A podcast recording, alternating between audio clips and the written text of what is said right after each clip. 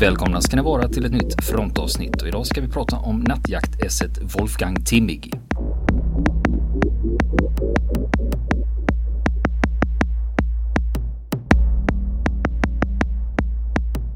Och nu var vi framme här vid juli 1940. Och då är det ju inte så långt kvar till eh, slaget om Storbritannien. Nej, precis. Och eh, min eh, farfar deltog ju eh, i det rätt så lite faktiskt. De hade ju fullt få med att, eh, med att bygga upp eh, nattjaktförsvaret. Men eh, min farfar flög två stycken uppdrag över England i, eh, i augusti 1940. Det var nämligen så att man hade eh, även en offensiv nattjakt och denna offensiva nattjakt gick ut på att man lyfte och flög över till England och eh, besköt eh, de brittiska bombplanen när de eh, lyfte eller, landade. Det gjorde min farfar två, vid två tillfällen, men det, det är det enda som han flög över England. Så han, han missade slaget om Storbritannien helt. Eh, Men det hänger också ihop med, jag misstänker att det var så att deras uppdrag var ju defensivt. Ja, det vill säga precis. att de, de var ju ute efter brittiska bombplan. Ja, och exakt. då är det ju naturligt att man tar dem. Exakt, Där exakt. man har sina radarstationer och man har sitt luftvärn och det är där man Jajamän. kan bekämpa dem. Visst. Så att det var ju ganska vågat ändå Ja. att sticka över kanalen och Ja. ge sig på dem under start och landning. Ja, eh, och sen hade de ju till slut så hade ju tyskarna en, en hel eskader som bara ägnade sig åt sådant. För de ägnar sig inte åt någon eskorttjänst då. Nej, nej, utan det var, bara, det utan- var bara jakt på brittiskt bombflyg. För det var nämligen en annan fråga jag hade när jag såg eh, listan på vad han hade skjutit ner. Mm. Så eh, då, då, då är det sin förklaring. Jajamän, jajamän. Och nu tidsmässigt var vi framme i juli. Ja, 1940. Yes, Eh, augusti siffror- 1940. Hösten blev det då. 1940. Eh, och under tiden så, så, eh, så bygger de ju upp eh, sina flygbaser, uh, tyskarna. De hade ganska uh, bråttom eh, med att, att bygga dem för under tiden så låg nattjaktflygarna, de låg på små eh, flygfält innan de skulle få sin fasta punkt. Och den fasta bas som eh, min farfar då eh, kom att tjänstgöra vid under, sin, under den här tiden var, heter Venlo och ligger på gränsen mellan Tyskland och Holland. Så att ena delen av basen, flygbasen ligger i, i Tyskland och den andra i, i Holland. Och eh, vintern var väl eh, tämligen händelselös, eh, vintern 1940-41. Min farfar blir eh, i oktober 1940 så blir han utsedd till Staffelkapten eh, för den andra eh, staffeln i eh, första nattjakteskaden.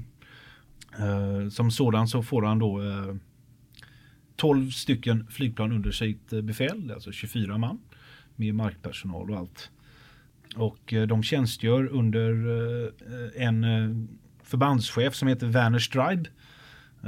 Som ju var en av de som hade varit med och, och grundat eller och tänkt ut det här med, med nattjaktflygning tillsammans med Wolfgang Falk. Och, och får sin bas på Fenlo under våren 1941.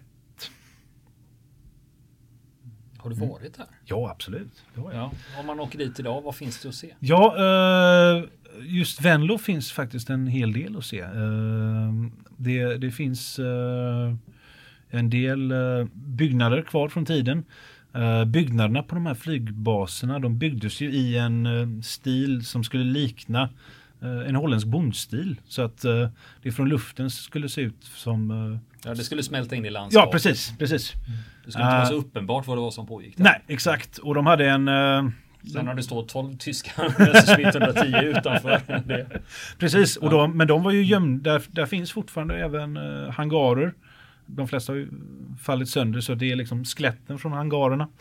Eh, flygbasen finns kvar, eh, alltså flygfältet finns kvar och används som bortflyg och segelflygfält. Fält. där finns ja, och så lite hus här och där. Som har Men, använts men av det känns ändå lite ovanligt. För eh, i, man får inte glömma att både i Tyskland och även i England ska vi säga och, och även då Holland, Belgien. Mm. Ja. Det anlades ju väldigt, väldigt, väldigt mycket flygbaser. Ja. Och eh, man, det är ju de här länderna som har ju valt att inte spara Nej, allt. precis. Så därför är det ändå roligt att just den här finns kvar. Ja, exakt. Och, det- och det, det finns eh, två andra också som jag har besökt och, och som vi ska komma till sen. baser som kanske är än mer intakta än just Fenlo och de heter Twente och, och Delen och där förutom flyg, själva flygfältet kanske har ändrats men, men eh, baserna, är, är, där är ju mycket av det mesta av, av eh, bebyggelsen kvar. Spännande. Ja. ja, verkligen. Det är värt ett besök.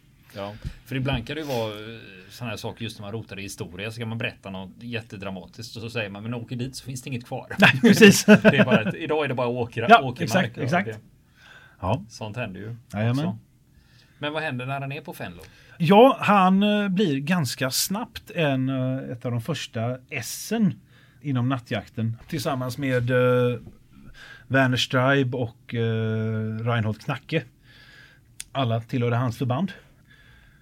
Och eh, de börjar ju få sin första kontakt med, med fienden.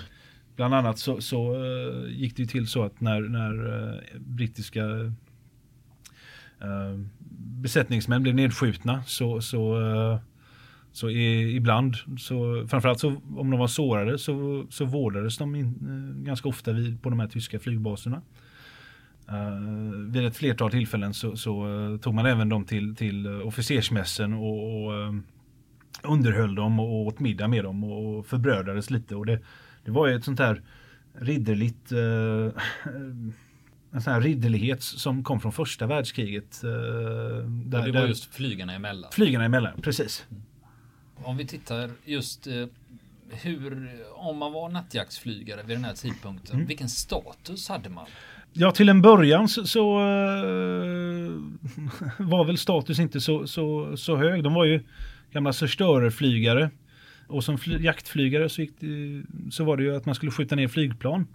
I, i, bör, i början så, så, var ju de flesta uh, piloter inriktade på att flyga till England och få eh, många luftsegrar och sådär. Så att det var, eh, det var väl inte alla som, eh, som var jättepositiva till att bli nattjaktflygare. Men, men senare, eh, allt eftersom kriget fortle, eh, fortskred, så, så, så, blev de ju mer och mer populära, inte minst bland civilbefolkningen. Eh, så de blev ju hyllade när de kom hem på permis och sånt där. Mm.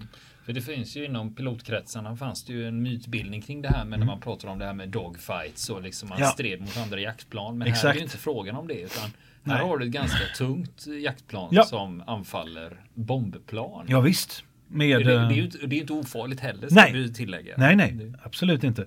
Och de hade ju eh, de tyska planen var ju det var ju anledningen till att man valde zerstörer. Att de hade ju en, en eh, tyngre eh, beväpning och eh, längre flygtid och, och att de var tvåmotoriga. Var de, då var de ju lite större och då kunde man ju hänga på mer, radio, mer avancerad radioutrustning på dem. Och, eh, sådär. och sen eh, var det också den psykologiska fördelen med att vara två när man sitter där i nattmörkret och inte ser någonting. Ehm, och, och jagar en fiende som man vet också sitter på lur. Men har du hittat någonting i några, till exempel hur de här striderna går till? Eller? Ja, absolut. Eh. Uh, det har jag hittat. Alla uh, allting, det är klart i vanlig militär ordning så, så dokumenteras ju allting och de här all, luftstriderna dokumenterades ju vid varje nedskjutning. Så fick man ju skriva en stridsrapport när man landade sen. Så mm. att, eh, och, och, det är också de här stridsrapporterna från min farfar som har legat till grund eh, för den bok jag skrivit sen. Mm. Har du något exempel på hur en sån rapport kunde uh, lyda? Ja, uh, det har jag. De, de börjar alltid med, med en sida som är ganska kortfattad. Uh, höjd, typ ammunitionsförbrukning. Det har alltså stått någon och räknat hur, många, hur, mycket ammunition man förbrukade efteråt. Klockslag, vittnen och sånt där. Och sen så kommer en andra sida där, där följer en mer eh, levande redovisning. Jag var ute och flög. Eh, jag fick instruktioner från, eh, från jaktledningen vid det och det klockslaget och eh, hittade eh, således fram till eh, fi, det fientliga bombflyget. Jag närmade mig eh, akter mm. Har du en äkta rapport här i, som är i sammandrag? Som uh, man skulle kunna bara läsa till rakt visst. av. Det... För det är just det, är just det med, det blir ju, det blir ju inte mer äkta än så. Va? Nej, precis. Det, det kan vi ordna. Um, och då har jag den som jag har med, valt att, att översätta och ta med i, um, i boken. Det är från en nedskjutning i, um, i juli 1944. Klockan var nu 02.55 på natten och ungefär samtidigt som det nyss nedskjutna bombplanet störtade mot marken lade Jörgel, flygskytten, som satt längst bak i kabinen på Messerschmitt 110 märket till ytterligare ett tvåmotorigt fiendeplan med långt skrov 1500 meter bakom dem på vänster sida. Timmig beskrev det hela i sin stridsrapport. Medan jag sökte efter den beskjutna motståndaren såg min bordskytse ett flygplan till vänster om oss på ungefär 1500 meters avstånd.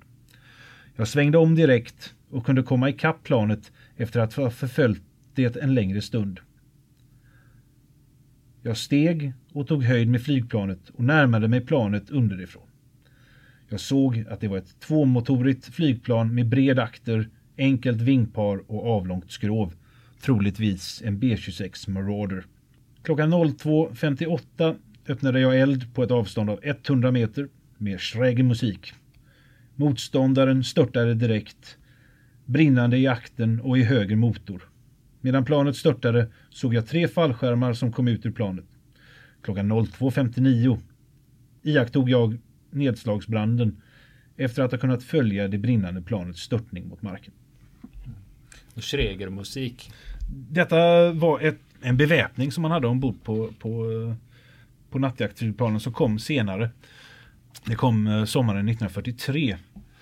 Mm. Uh, och det var 20 mm uh, automatkanoner som man satte akter om, om uh, flygkabinen. Eh, som var riktade snett uppåt. Och på så vis kunde du flyga under fiendeplanen och beskjuta dem underifrån. För de brittiska planen hade ju, de hade ju ingen beväpning underifrån. Så att, och, det, det, och då riskerar de inte att bli nedskjutna heller. Man var i deras döda vinkel ungefär. Exakt. Så att de exakt. hade inte en susning om vad som nej, väntade. Och nej. plötsligt så, så du, slår in 20 mm kulor i flygkroppen. Precis, precis. Och den, var inte bepansrad under till heller. Så, att det, um, så ofta vad som hände när, man, när tyskarna besköt uh, bombplan med uh, Schreger musik var ju att uh, bensintankarna som satt under till i vingparen började brinna. Uh, och ofta exploderade. Men tillbaks till, eh, till eh, 1941. Min eh, farfar han ville ju hela tiden, han försökte ju gifta sig med min farmor. Och det var inte det att hon inte ville. Utan det var det att myndigheterna sa nej. Som tysk officer fick man inte gifta sig med utländskor. Och min farfar ansökte gång på gång efter att få... Men Göring fick ju. Göring fick.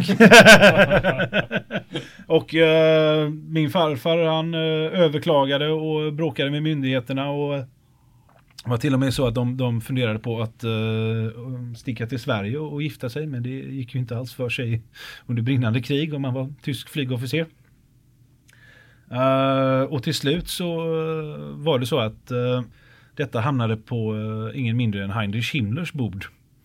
Och Himmler eh, han ansvarade ju faktiskt för alla utländskor som eh, tyska soldater eller officerare ville gifta sig med. Det var han som eh, tog det vidare. Han tog det ända upp till, till Hitler själv som då gav sitt medgivande och godkännande att flyglöjtnanten Wolfgang Timmig fick gifta sig med, med svenska medborgerskan Ulla Tillander. Ja, här ska vi se i din bok. Nu, Max bläddrar upp i boken här och där står det att eh, det är alltså ett tillstånd att eh, överlöjtnant Wolfgang Timig på första, nattjakt, eh, första nattjaktseskaden Heiratsgeneig, det är väl äktenskapstillstånd? Ja, va? precis. Äktenskapstillstånd med den svenska medborgaren fröken Ulla Birgitta Tillander. Ja i Garmisch-Partenkirchen. Ja. Uh, så står det Fyrerhögkvarteret den 18 december 1941. 1942. Står det va? Eller står det 41? 41. En 41 och så är det ju en stämpel då med den tyska örnen och sen ja. är det två oläsliga namnteckningar. vad är det som, vem är det som har skrivit under? Det är, det är Hitler som har skrivit under. Är det Adolf Hitler ja, som har undertecknat det det. och känner igen autografen där? Ja, um, och um, intressant i sammanhanget att sen jag skrev boken och, och um, har uh, rest runt och föreläst en del så har jag faktiskt vid uh, två andra tillfällen uh, kommit i kontakt med personer som har varit och lyssnat och berättat att de har exakt samma dokument, dokument typ av ja. dokument hemma. Ja.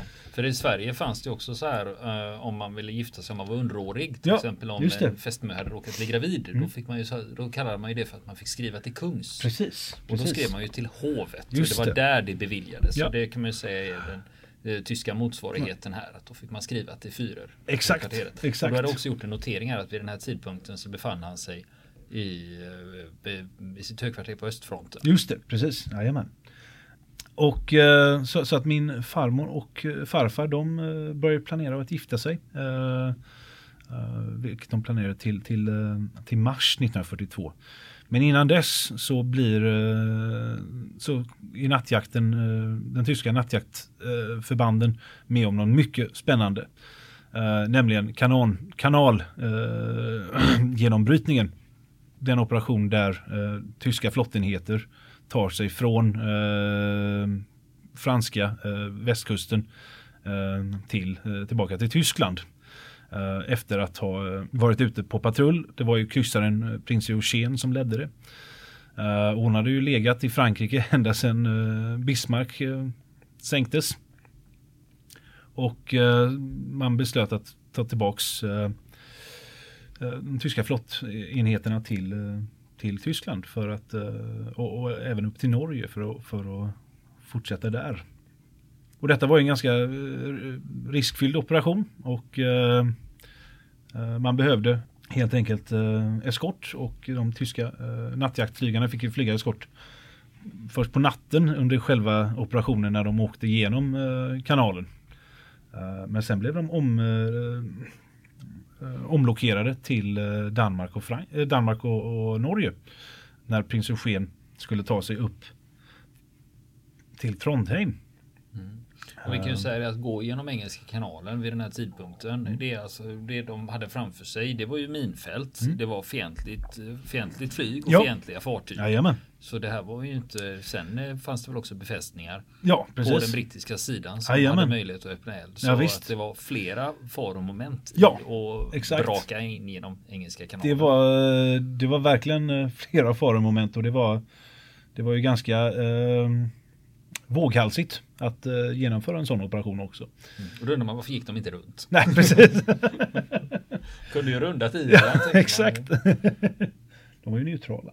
Uh, nej, så hela uh, första uh, nattjakteskaden de, de uh, ombaserar och, i, i, februari 1942. Och flyger då från baser i, i, i, Danmark och i Norge. Och eh, så eskorterar de, eh, turas de om och eskortera så att, så att det alltid flyger i luften under hela eh, under hela färden upp, upp till Trondheim då. Um, och det, är en ganska lyckad op operation och flygarna kommer tillbaks glada och, och nöjda. Och,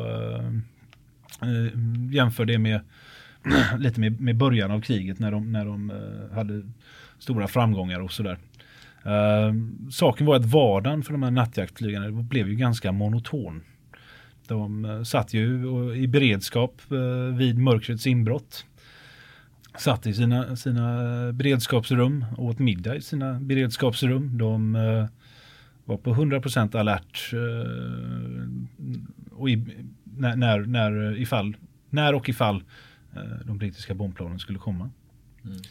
Var var de stationerade någonstans vid den här tidpunkten? Uh, också i, fortfarande i, i Venlo.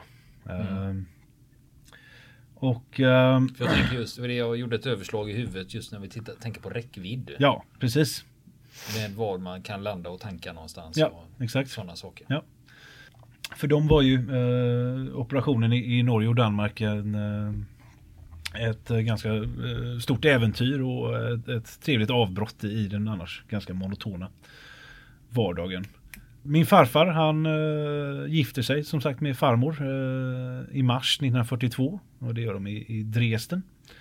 Nu har ju uh, bombkriget hållit på ett tag och min farfar säger då till min farmor att det, det, det, är bäst att du flyttar från München för att antagligen så kommer de bomba städerna snart. Uh, och hon beger sig till, uh, flyttar ner till, till Garmisch-Partenkirchen som är en, en liten uh, gemytlig bayersk uh, skidort. Uh, på gränsen till Österrike. så där bor hon under hela kriget tillsammans med sin syster som också är gift med en tysk. Mm. Vad hade han för tjänst? Henne, ah, henne, svägerskan där. Svägerskan, ja, uh, han var på, uh, han var ju arkitekt i grunden. Uh, så han tillhörde ett förband på, på, på östfronten. men så mycket vad, exakt vad han gjorde, det, det, vet jag faktiskt inte. Det blir det i nästa bok. Det får bli det. Under våren 1942 så, så, så, blir min farfar utsedd till Gruppenkommandör och, eh, och om Staffelkapitän motsvarar divisionschef så motsvarar då eh, gruppen gruppe ungefär eh, flottilj i det svenska flygvapnet. Och han blir utsedd till då flottiljchef över den tredje flottiljen vid första nattjakteskaden. Och detta tillträdde han i början av juni 1942 och hamnar då på flygbasen Twente i östra Holland. Under våren 1942 så har det eh, skett lite på, eh, i, i utvecklingen av luftkriget. Dels så har eh, det brittiska Bomber Command, de har fått en ny chef. En man som heter Arthur Harris. Även känd som Bomber Harris. Och de har även fått nya eh, flygplan ute på, på bombförbanden. Eh, och då är det eh, framförallt Lancaster eh, är det man känner till. Men även eh, Halifax och, och Sterling eh, är de här fyrmotoriga bombplanen som har kommit ut på förbanden vid den här tidpunkten. Arthur Harris, han, eh, han hade ju en eh, lite annan, eh, ett annat tillvägagångssätt för en eh, sina tidigare eh, föregångare. Han insåg att istället för att, som man hade gjort fram till nu, anfalla precisionsbomba på natten och bomba tyska militära installationer och fabriker. Vilket man hade misslyckats med i hög grad. Så var det ju bättre att mattbomba och i så fall bomba bostäderna som, som som de, de som arbetade i, fa i fabrikerna eh, bodde i. Eh, det var betydligt lättare och eh, eh, ansåg han. Och eh, han hade en hel del andra. Eh, han grundade ju ett, ett, ett strategiskt eh, bombflyg på ett sätt som, som man inte hade haft tidigare. Och eh, han hade flera olika tillvägagångssätt som han förespråkade. Bland annat så tyckte han ju att det här med eh, att flyga i, i vågor, det var ju strunt. Uh, och det, engelsmännen hade alltså tidigare flugit i vågor uh, in över Tyskland och fällt sina bomber. nu skulle man lyfta och flyga i, i någon form av formation istället och, och flyga med så, så många bombplan som möjligt. Och detta ledde ju fram till att man 31 maj 1942 eh, bombar Köln med nästan tusen bombplan. I den första av dem, eh, och det kallas för The Thousand Bomber Raid. Eh, under den här eh, räden så, så lyckades eh, Wolfgang Timing skjuta ner eh, en eh, Halifax faktiskt. Med, med det så var hans tid där vid Venlo över som eh, det här nya förbandet som eh, Wolf, Wolfgang fick ta över. Det var ett förband som, som eh, inte hade haft lika mycket framgång som de andra förbanden i, i nattjakteskaden. Den första nattjakteskaden. Wolfgang fick väl lite till uppgift att styra upp och försöka förbättra resultaten här. Och då tog han ju med sig det han hade lärt sig på, på sitt tidigare förband. Uh, nämligen det här med att leda med exempel, att uh, flyga själv, vara ett föredöme. Uh, och se till att man själv skjuter ner flygplan.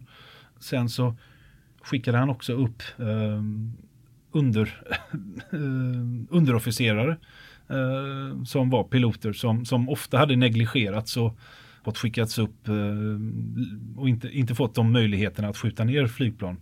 Eh, som de som var officerare som eh, hade gjort. Så man gjorde en skillnad? Skillnad på underofficer och, officer, absolut. Det, mm.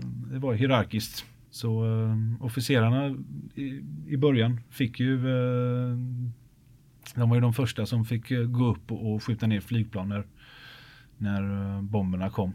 Eller bombarna kom. Werner Stribe hade själv insett detta att det det var nog bra om även eh, underofficersbesättningarna fick skjuta ner lite också. Och för det höjde moralen hos dem och uh, deras stolthet och sådär. Och uh, bra på alla sätt. Och, mm. Men var det så att man höll underofficerarna på marken eller fick de andra typer nej, de, de av fick, uppdrag? Nej, de, de fick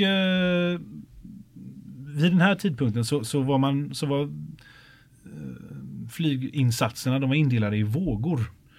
Uh, första vågen gick upp när uh, man märkte att det engelska bombflyget nalkades. Och sen de sista uh, vågorna fick ju gå upp senare. huvudregeln var att officerarna alltid fick bäst möjlighet till att skjuta ner flygplan. De fick första king. Första king, ja. Precis. Ja. precis. Wolfgang och hans vän Werner Stribe de ändrade ju lite på detta och skickade istället upp underofficerare för att eh, de också skulle få, få ta del av, av eh, framgången. Och, och, eh, på det sättet så, så spred sig en, en, ganska bra stämning på, på förbandet. Eh, som hade tidigare hade varit ganska eh, dålig. Och eh, vid slutet, eller efter ett tag så, så, började han även, han fick även med sig de som var eh, divisionschefer under honom. Eh, de var med på, på det här också till slut så, så lyckades man höja och komma upp i samma nedskjutningsnivåer eh, som, eh, som, de, eh, som de andra eh, flottiljerna i eskaden. Eh, kan ju förtydliga om det blir mycket flottiljer och eskadrar där. En tysk flygeskader under andra världskriget bestod av, eh, bestod av tre eller fyra flottiljer. Och eh, varje flottilj bestod av fyra stycken eh, divisioner. Tre till fyra divisioner.